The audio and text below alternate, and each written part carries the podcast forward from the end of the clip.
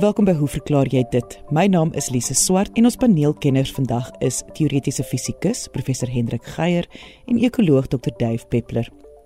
Anton van Belwel vra die eerste vraag van die dag wat teoretiese fisikus professor Hendrik Geier gaan beantwoord. Anton skryf: Hoe kan 'n vliegtuig se bande van 0 tot 300 km/h in 'n breekdeel van 'n sekonde versnel en nie die vliegtuig van koers afdruk nie? 'n Mens sien wel die swart streep op die aanloopbaan wat aantoon hoe die wiele eers skuur voor dit spoed optel. My eie teorie was dat dit beter sou wees om die wiele eers te laat tol voor die vliegtuig land om dan te kompenseer vir die verskil tussen die vliegtuig se spoed en die van die wiele. Professor Geier Diese Anton praat hier van omtrent 'n uh, 'n uh, landingsspoed van 300 plus kilometer per uur ek het nou 'n bietjie van hierdie inligting nagegaan. Dit lyk vir my ehm um, as 'n mens praat van van Boeing uh, vir beide die 737 en die 747 het ek uh, gelees dat dit nader aan 280 km per uur is, maar dis nou nie 'n groot verskil nie. Tipiese vliegtuigbande soos op 'n 737 en 'n 747 dan sien jy hulle is onderskeidelik H40 en H49 Uh, dit beteken vir die 747 is die velling deursnit 49 duim en met die ander inligting kan 'n mens nou uiteindelik bereken dat die dat die straal van so 'n Boeing 747 band is 66 cm. Dit is loop dieselfde uh, as vir die ekskuus vir die vir die uh, 737 is dit natuurlik nou 'n bietjie kleiner, dis A40 band. In elk geval op die Boeing 747 is die voor die twee voorbande en die 16 ander bande almal dieselfde grootte op die 737 uh, eh, is die voorbande 'n klein bietjie kleiner as die hoofbande wat onder die vlerke sit. Dis natuurlik ook hoekom die loods tipies verkies of probeer om nie 'n perfekte driepunt landing te maak nie, maar eers op die op die groter bande te land en dan met die tyd die die neus te laat sak want die klein wielietjies sal natuurlik vinniger moet tol uh en kan as gevolg van die wrywing meer rubber verloor in die proses. So dis die prentjie. Hier kom die vliegtuig aan teen 280 km/h. Sy bande roteer nie. Hy tref die aanloopbaan en vir 'n rukkie moet dit skuur. Die wrywing tussen die band en die teeroppervlak sit natuurlik daar die band aan die tol. Uh en nou moet hy uiteindelik tol teen net 'n bietjie laer as die landingsspoed, maar kom ons gebruik nou maar die landingsspoed as 'n verwysingspunt. So wat 'n mens natuurlik nou moet vra is hoe vinnig moet so 'n band tol om 'n spoed van 280 km per uur te impliseer nou. Vir enige iets wat in die rondte draai, weet ons dat die spoed op die omtrek van so 'n roterende voorwerp is die straal vermenigvuldig met die omwentelingsspoed en die omwentelingsspoed word uitgedruk in per sekonde eintlik radiaal per sekonde, maar radiaal is nie iets wat 'n dimensie het nie, so dis eintlik net 'n syfer per sekonde. En as jy mens hierdie nou uiteindelik wil vertaal na omwentelings per minuut, moet jy natuurlik onthou dat een omwenteling is 2 pi radiale, so jy moet nou vertaal tussen radiale per sê maar minuut en omwentelings per minuut deur daardie faktor 2 pi in aanmerking te neem. Nou goed, as 'n mens hierdie eenvoudige sommetjie gaan maak 280 km per uur bandradius van 66 cm, dan kom jy af op 'n syfer soos 1125 omwentelings per minuut. Dis hoe vinnig daai band sal moet tol. Nou Anton wonder of dit hoegenaamd moontlik is om dit in 'n kort tydjie te te bereik. As 'n mens dit vergelyk met tipiese motorband rotasie spoed, dan is dit nie soveel verskillend nie. 'n Tipiese motor wat teen 100 km/h ry se bande roteer teen 785 uh omwentelings per minuut is nou vir 'n vir 'n 17 duim band 120 km per uur praat ons al van 940 omwentelings per minuut. So die aanspraak op die rotasiespoed van so 'n landende vliegtuig is nie so verskillend van 'n tipiese rotasiespoed wanneer 'n mens met 'n voertuig uh, op die pad ry nie. Nou ek kon nie agterkom Anton of da weet dat mense eintlik skryf oor wat jy noem die gyroskoop effek nie. Uh, wat wel interessant is is is twee opmerkings wat ek net kan maak voordat ek nou verder met 'n bietjie analise gaan. Die een was dat uh die die slytasie op op so 'n vliegtuigband is eintlik groter tydens die periode waar hy uitry na die aanloopbaan en opstyg as wanneer hy land. Dit klink so 'n bietjie teenintuïtief, maar dit is 'n stelling wat ek teëgekom het. Ander interessante aspek is as die rubber nou so afskuur in daai eerste breekdeel van 'n sekonde, dan is die band natuurlik nou eintlik ongebalanseer in die sin dat daar 'n deel van hom is wat meer afgeskuur is as die ander een, maar as jy nou vir die volgende keer inkom om te land, die wiele word nie aan die roteer gesit nie. Hulle hang net daar en omdat hy klein bietjie swaarder aan die een kant is, dit is nou die kant wat nie die vorige keer afgeskuur het nie. En daai swaarder deel geneig wees om aan die onderkant te hang en dan gaan dit nou afskuur. So daar is so 'n self soort van 'n selfkorreksie proses aan die gang dat die ding uh met verskillende met verskeie landings eintlik uh redelik reëlmatig afskuur. Nou ek kon nagaan dat uh as 'n mens nou syfers insit vir sê maar die die tipiese wrywingskoëffisiënt tussen 'n tussen 'n rubberband en 'n teeroppervlak en jy al hierdie somme maak dan het een persoon wat hierdie berekening gedoen het afgelei dat die dat die skuurtyd met ander woorde voordat die wiel nou ordentlik begin tol is omtrent 0.74 sekonde. Maar dit is soos ons nou met ons eie oë kan sien lank genoeg dat daar so 'n rookpluim ontstaan as gevolg van die rubber wat afbrand. En nou wonder Anton, hoekom word vliegtuigbande nie so ontwerp dat hulle voor die tyd aan die roteer gesit word, ehm um, ideaal gesproke teen die tempo wat die vliegtuig uh of 'n rotasie tempo wat impliseer dat uh, hulle spoed dieselfde as die landingsspoed is nie. Uh, jy mag miskien verbaas wees Anton om te verneem dat hierdie is 'n probleem wat al hier in die 1940s deur mense begin ondersoek is. Ek kon afkom op 'n patent in die Amerikaanse patentekantoor van 1947, ene RH Beasley. En sy plan was om aan die binnekant van die vliegtuigwiel soort van 'n ratwiel aan te bring. Die ratte wys nou na buitekant toe en dan spuit hy met lug wat onderdruk is op hierdie rat. Dit sit die ding natuurlik aan die roteer en in die proses hoop hy of bereken hy dat hy nou die die wiele aan die tol kan sit voordat die landing plaasvind. ek het nou nie nagegaan presies watter uh, detail inligting daar beskikbaar is oor hoe vinnig kan hulle onder hierdie omstandighede tol nie, maar dit is nou een poging gewees. Jy spuit lug onder druk op die binnekant die ratwiel wat jy aan die binnekant aangebring het uh, en dit sit die hele besigheid aan die roteer. Uh, ek kon verder sien dat daar Eh, ten minste 9 ander soortgelyke patente of patente wat werk met voorafrotasie van vliegtuigwiele by die patentekantoor was want hulle verwys almal hierna maar daar's waarskynlik ook ander wat nie noodwendig hierna verwys nie. So dit is dit is 'n ondersoek wat al deur baie mense aangepak is en 'n mens vra jouself af uh hoekom is daar nie 'n ordentlike oplossing hiervoor nie? Ander tipiese oplossings wat voorgehou word is om 'n soort van 'n vind te laat uitkom sodat die dat die lug spoed op hierdie vinne soos vir by sê maar by 'n 'n windpomp uh die goed aan die die die wiele aan die tol kan sit voordat hulle uh, voordat die vliegtuig land en soos daar 'n verskeidenheid van goed. Dit lyk vir my wel die een ding wat mense moet besef is is hierdie vliegtuigbande veral van die groot vliegtye is nogal swaar goed. Ek lees dat die tipiese Boeing 747 band omtrent 125 kg So dit vat nogal baie energie om die ding aan die roteer te kry. Uh soos een kommentator opgemerk het, uh, waarskynlik baie meer as wat jy sou kon regkry deur eenvoudig net vinne aan die aan die aan die wiel te beplan. Uh verder is 'n oorweging dat hierdie ekstra goed wat jy aanbring uh is natuurlik ekstra gewig wat die vliegtuig moet dra wat uh net vir passasiers of vrag kon gebruik gewees het.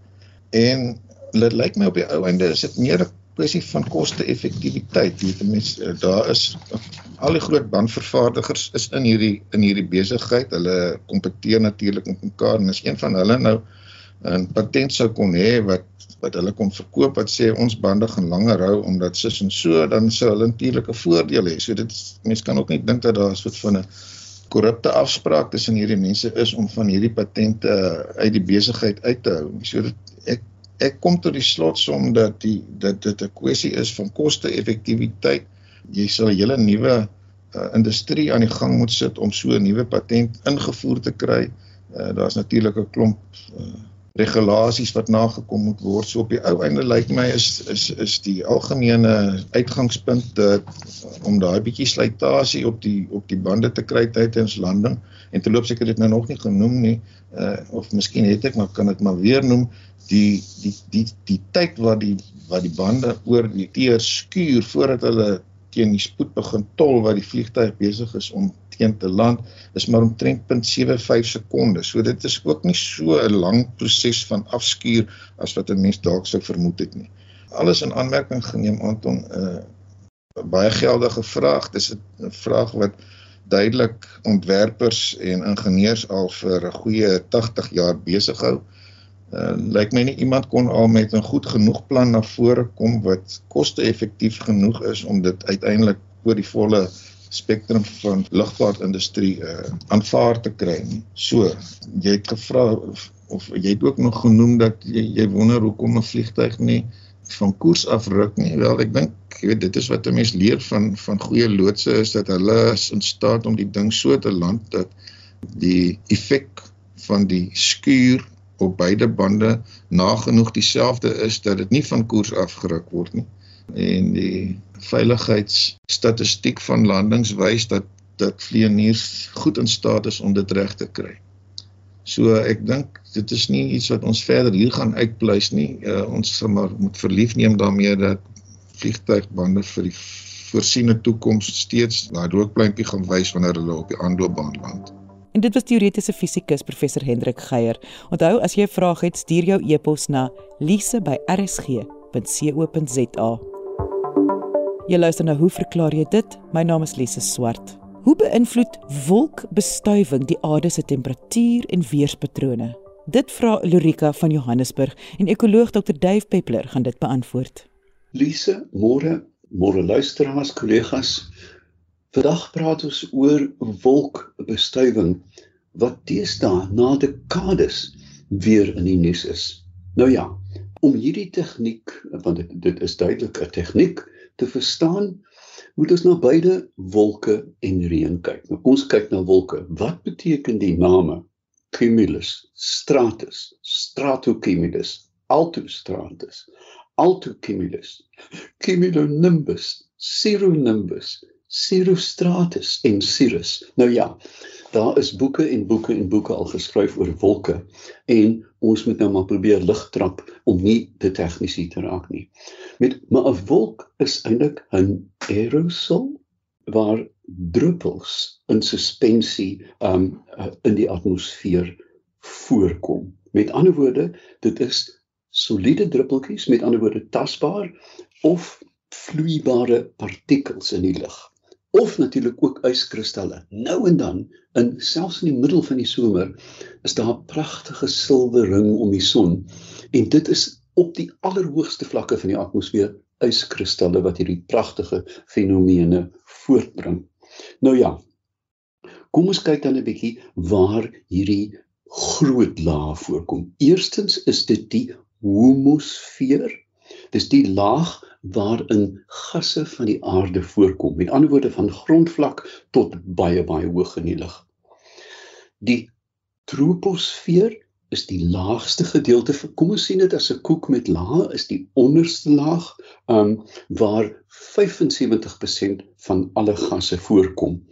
Um en dit strek tot so om en by 18 km en 99% van alle water in die atmosfeer kom in die troposfeer voor. Dan is daar die stratosfeer tot so om en by 20 km en dan natuurlik die allerhoogste laag, die mesosfeer. Nou, 'n mens dink aan die mesosfeer op 50 km hoog, is daar lug of is daar yspartikels of is daar water? En die antwoord is ja. Hoe weet ons dit? Natuurlik uit die lugvaartkunde.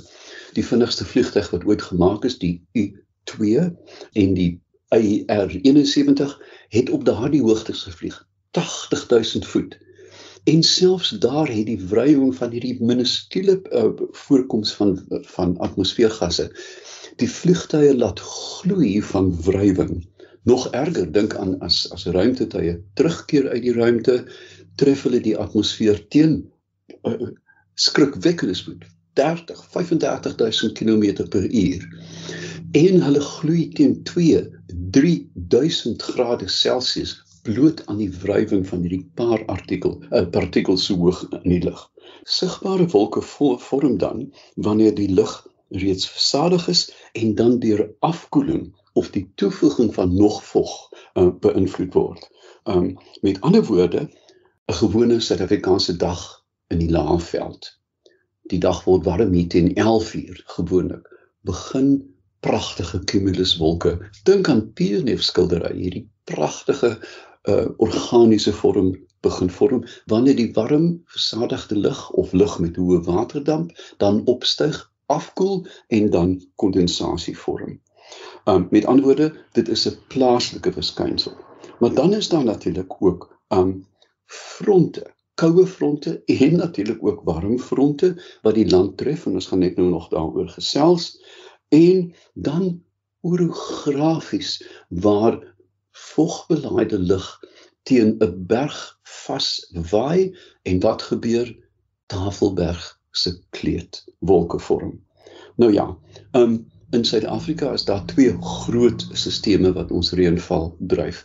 Een, die winterreënvalstreek waar koue fronte arktiese fronte die land tref en dan reën neergooi of natuurlik in die noorde met die somerreënval waar die intertropiese konvergensiesone wat op aarde is dit dit is 'n band van vogtige lug wat oor die ewenaar osilleer seisoonaal met ander woorde in ons somer beweeg hierdie front na die suide en gee reën aan die aan die laafveld in die noorde van ons land en terselfdertyd deur lugdruk druk dit die fronte, die koue fronte suid van die land. In ons winter dan uh, beweeg die intertropiese konvergensiesone noord van die ewenaar en dit verlig die lugdruk oor die suidelike dele van die land en laat koue fronte toe om oor die land te spoel. Nou ja, genoeg van wolke. Nou wat is reën? Ons moet dit tog definieer. Um reën is eenvoudig 'n vloeibare neerslag wat uit die lug val. Reendruppels vorm dan om mikroskopiese deeltjies en hulle dit staan bekend as wolkkondensasiekerne. Met ander woorde, klein stofdeeltjies sout uit die see wat aangewaai word deur winde, besoedeling um uh, by vulkane byvoorbeeld as hulle as in die lug los. Um en uh, ons hou onthou al te goed jare gelede toe dit opslae gemaak het oor die sogenaamde suurreën in Europa waar groot dele van woude in Duitsland byvoorbeeld uitgesterf het as gevolg van reën wat deur um uh, besoedeling gasse gevorm is. Die reën is dan suur en so vernietig dit dan die plante op die grond of woude althans groot gedeeltes van woude. Maar nou kom ons by wolkbestuiving waar ons as mens dan hierdie partikels kunsmatig in die lug invoer of van die grond af deur sogenaamde kersse aan te steek of gewoonlik uit vliegtye en deesdae natuurlik met hommels. Nou wat strooi ons in die lug? Die klassieke wat 1946 reeds gebruik is, is silverjodied, kaliumjodied of droë ys. Ons ken almal droë ys, um, wat netlik 'n sigbare partikel vorm as hierdie gasse dan verdamp. Vliegtuie vlieg dan deur gewone cumuluswolke, hierdie stapelwolke wat lyk na 'n koelkop. Um en terwyl hulle deur dit vlieg word kersse aan die vlerke aangesteek, sogenaamde kersse, en dit los dan die partikels in die in die wolk waarom reendruppels dan vorm. Nou ja, um ons weet nou onlangs uit Saudi-Arabië het hulle eksperimente gedoen waar hulle juis hommels gebruik het om silverjodied en ander partikels in die lug los te laat om sogenaamd om sodoende althans 'n plaaslike reën te probeer bevorder. Nou is dit effektief in Suid-Afrika weet ek in die 70s en 80s was daar toegewyde spanne vriende van my het gewerk daarmee wat um, reg oor die land met stralers hulle het um, learjets gebruik um, om wolke te bestuif. En natuurlik reën het geval. Maar Lise, as jy 'n meta-analise doen, as jy van 1946 tot vandag al hierdie pogings in 'n pot gooi en probeer uitvind of dit gewerk het, is die uitslag onseker. Ja, daar het reën geval. Daar het soms uh, het mense hulle lewens verloor as gevolg van hierdie wolkbestuiving, maar in die lange duur gemeet aan normale uh, organiese patrone is dit nog nie beduidend of dit wel werk nie. Die die voorste lande wat hier aangewerk het was Amerika, Israel en ook Suid-Afrika en Australië.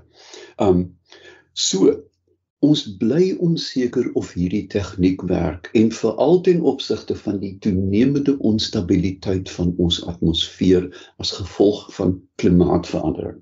Ons weet wat aan die gebeur is, die die wetenskap vertel ons duidelik elke dag dat droogtes toeneem, vloede uh, toeneem, storms, tifone, vulka, uh, byna sê vulkane, um orkane is besig om toe te neem ook ehm um, natuurlik tornado's. En binne die fluks van hierdie verandering is 'n klein aanpassing soos 'n menslike intrede met ehm um, met wolkbestuiving nie juis beduidend nie. Nou ja, nou kom ons natuurlik by 'n etiese vraag en dit is aan wie behoort wolke? Kan ons wag vir die intertropiese konvergensiesone en dan die oomblik as dit oor ons grens kom sê by Botswana of by Namibië dit begin benut ontneem ons mense verder suid van moontlike reënval? Dis 'n oop vraag maar natuurlik dieselfde argument geld vir grondwater en riviere in damme. Met ander woorde, die mense het reeds ingetree en ek dink hierdie etiese vraag word dan in 'n groot mate onseker. Dit is my mening en ek mag verkeerd wees dat met die toenemende onstabiliteit van die atmosfeer gaan hierdie pogings al hoe minder beduidend word as gevolg van die chaotiese toestand wat of magtige reën of versengende droogtes mag veroorsaak. So ek wil nie sê kom ons hou dit dop nie want die atmosfeer verander so vinnig deesdae as gevolg van klimaatsverandering dat hierdie pogings duidelik vir my nie noodwendig statisties beduidend gaan wees nie. Soos hulle sê in Engels, watch the space, maar my voorspelling is dat wolkbestuiving al hoe minder belangrik gaan word. En dit was ekoloog Dr Dave Peppler. As jy 'n vraag het, stuur jou e-pos na lise@rsg.co.za. Ek sê baie dankie aan ons kinders en vraagstellers vandag. Onthou om altyd nuuskierig te bly en vrae te vra. Tot volgende week hier op RSG saam met my, Lise Swart. Totsiens.